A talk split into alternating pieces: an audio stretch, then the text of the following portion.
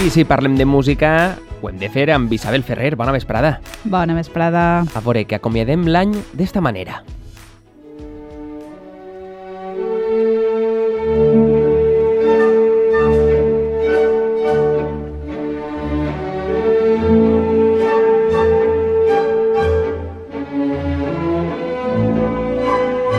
Txan, txan.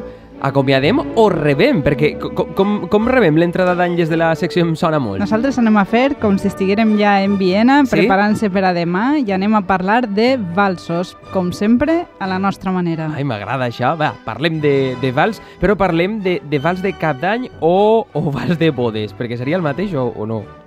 Tindríem molts punts en comú, però molts altres que no. Heu de pensar que n'hi ha qui s'atreveix a dir, que, i segurament té raó, que el vals és el ball de saló més famós i estès per el Mm. món, i sabem que compta com a mínim en 300 anys d'història, que són Colli. molts. Sí. Clar, s'acaba ballant en molts llocs i amb moltes finalitats diferents i amb diferències musicals també. En d'altres llocs, en les bodes. En- en les I- bodes. Sí. Quines serien aquestes característiques mínimes que fan que, que parlem de vals? Com sap tot el món, el vals és un ball de caràcter ternari. Ternari vol dir que pots Mhm. cantar-li damunt un, dos, tres, un, Un, dos, dos, tres, tres, sí, un, dos, eh? tres. i amb l'1 és el temps més fort. Mhm. És un ball de parella i tots sabem que la cama s'obri en la cama número 1, eh, en el temps número 1 i es tanca en el 2 i amb el 3 sí, Jo fa crec un que xicotet tots, tots pas. no ho sabem, que Això jo he vist és la alguns ballant teoria. tot. Practico en casa. Eh, Mm. Amb estos passos es va, es va rodant, que és una de les característiques del vals, i ja n'hi ha un, un seguit de característiques més tècniques que fan distingir-lo d'altres gèneres que també són dos, tres, com la jota. Ah, és de veres? Sí? Molt bé. Aleshores, eh, d'on ve el vals? És una bona pregunta perquè no n'hi ha massa acord. Eh, uns l'atribueixen a una dansa del segle XVIII que s'anomena- que s'anomenava, ara ho diré en alemany, eh, la, que ballaven els pagesos d'Àustria i del sud d'Alemanya. Altres diuen que és una dansa italiana més antiga. I n'hi ha que sosté que el Denla, o el Deutsch Tanz, després de sofrir, de sofrir diverses modificacions, es transforma en el, en el vals, que seria una paraula d'origen alemany que a la vegada deriva del verb walzen, que vol dir girar, pegar voltes. Molt bé, ja tenim ahí la... los tres. El nexe, sí, sí. sí, sí. I què tenia d'especial el vals, a diferència d'altres danses? En principi, encara que parega que no, és que és molt, sen molt senzill de ballar. Ah. És una característica que el feia eh, molt diferent de l'altra de les danses que era molt famosa al mateix temps que naixia el, el vals, que és el minuet.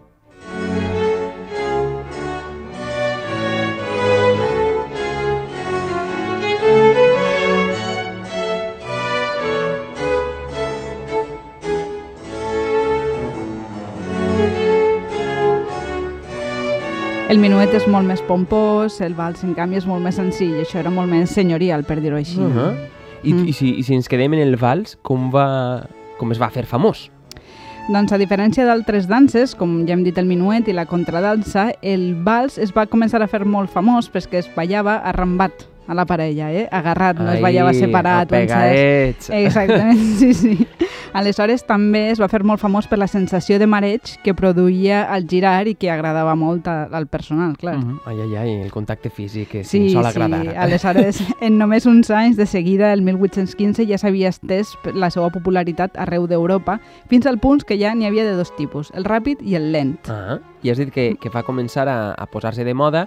Com es feien famoses unes músiques en aquell temps? No hi havia Spotify, com se ho feien? Sí, hi ha diferents formes, però segurament del boca a boca, i Mhm. una altra forma era que compositors famosos s'agarraren este gènere, igual com qualsevol artista, que Sí. posem per cas es va fent famós el reggaeton, i un Sí. artista que ja està consagrat l'agafa i en fa una cançó. Aleshores això multiplica l'efecte. Això és el que va passar amb el compositor Carl Maria von Weber, que va fer una obra que es diu Invitació a la dansa en el 1819, on no només va fer famós el, el vals a més en les sales de concerts, sinó que va fixar la seva estructura. Escoltem-lo.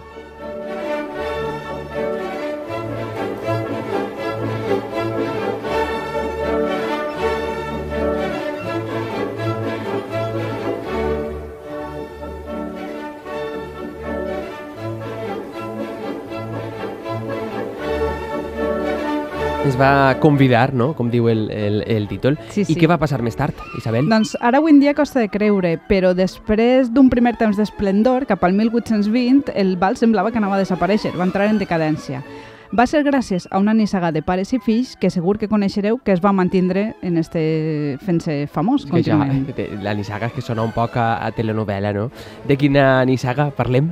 Estem parlant d'una família d'origen austríac, els Strauss. Bé, de la branca Sí. masculina, perquè la part femenina no us l'ha explicat a ningú, Uh -huh. per ara. Com de- en tantes altres eh, coses. Sí. Eh, I com va començar la relació dels Strauss amb el vals? El pare, Johann Strauss, era músic d'una orquestra capitanejada per un altre músic, Joseph Lanner, que també era compositor, on s'interpretaven valsos.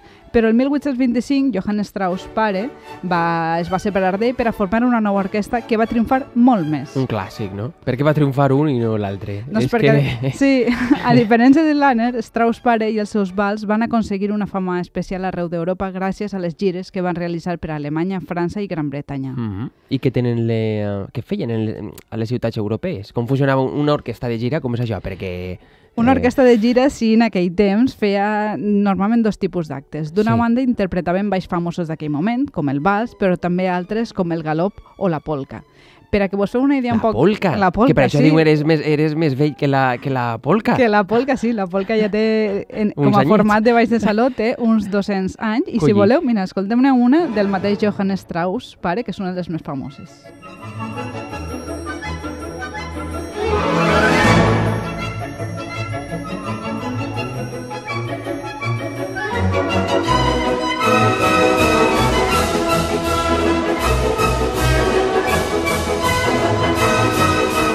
xan, xan, xan, xan, xan, xan, xan, xan. Sí que és molt coneguda, sí. Eh, això era per al ball. I quin era l'altre tipus d'acte on participaven aquestes orquestes, com la de Johann Strauss, pare? Eren els concerts a l'aire lliure, en els passejos burgesos. Eh, Imagineu-vos, serien com l'Albereda, d'ací Sí. a València, on hi havia pèrgoles per les bandes i les orquestres del moment. Allí també tocaven balla ballables i un altre tipus de peces breus que avui en dia en diríem més comercials, que per exemple eren marxes. I com no, la reina de les marxes, que també és Strauss pare, la podem escoltar ara mateix.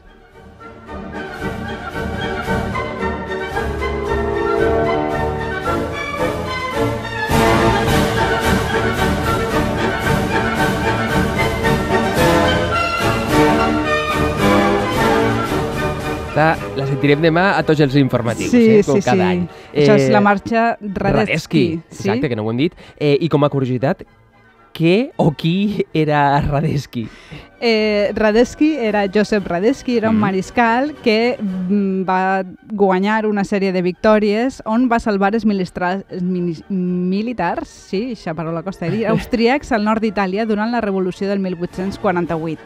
La marxa està escrita en honor seu, el que passa és que el bon home es va canviar després de bàndol i quan els austríacs es van rebel·lar, ell es va, diguem, quedar del costat dels conservadors. Amb l'altra xaqueta. El que passa és que la marxa ja era molt famosa i Johann Strauss pare també. També, clar. Mm. I clar, tots volien ser com ell, no? I li serien imitadors, que això també passa. Això també passa. El que passa és que, curiosament, els seus millors imitadors van ser els seus propis tres fills. Mhm. Johann, que normalment li diguem Johann fill, Johann segon, Johann Mhm. júnior, totes les versions, Joseph i Eduard.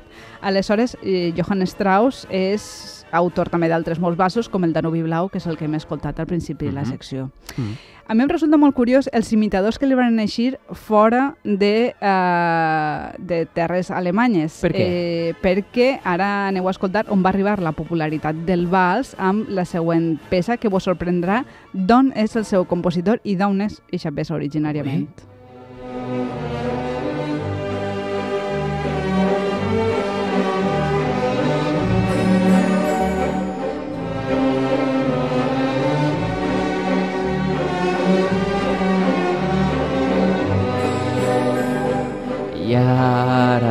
casa sabud. No, ¿cómo es la de Ui, no us queixareu de grans èxits, eh? Sí. Ai, però jo perquè estic cantant la... la... perquè aquestes cançons eren tan famoses que n'hi ha moltíssimes adaptacions en lletres populars, però l'origen és un vals, l'original se diu Sobre les oles del compositor mexicà Juventino Rosas, Ostres. escrit en la dècada de 1880. Ai, va. Sí, I hi havia sí. algú a qui, no, a qui no agradara el vals? Perquè hi ha gent que no li agrada el reggaeton, per exemple, no? Suposa que en aquella època era la moda, però hi ha gent que no li agrada Sí, va haver posa. dos sectors, sobretot, on el vals va tindre, ja no que no els agradara, sinó enemics. Eh? N'hi ha opuscles llarguíssims dedicats a criticar el vals. D'una banda, els eclesiàstics, que, que deien que era immoral, perquè les parelles ballaven molt juntes, Mhm. sí? i d'altra, molts metges que erròniament i també per motius morals deien que això de pegar tantes voltes i marejar-se no podia ser bo per a la salut. Avui un poc, fa, és un poc còmic, però en aquell moment ho pensaven així. Ostres, a veure, sí, si tens, eres així sensible, eh, no? Sí, Massa depèn bona de com, no seria. sí. O sigui, que podem dir que el vals continua avui en dia estan de moda, no? Com a ballable de dissabte per la nit. Bé, no en una discoteca, Ho sé no. però... Però sí que alguns valsos més recents han passat a fer-se famoses gràcies a aparicions en, les, en, les, en els cinemes. Mhm. Un cas famós és el vals que apareix a la pel·lícula Amélie.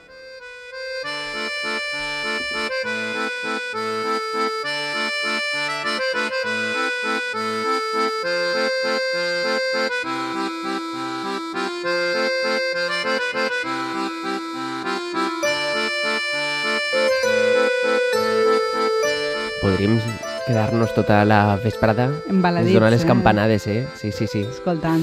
Ai, jo tinc una curiositat, Isabel. Digues. Com salten... És que he començat... I si no, no, si no me la lleves tu no pararé fins que s'acabi l'any. Com salten els valsos a les bodes? No ho he què? sabut trobar. Per què?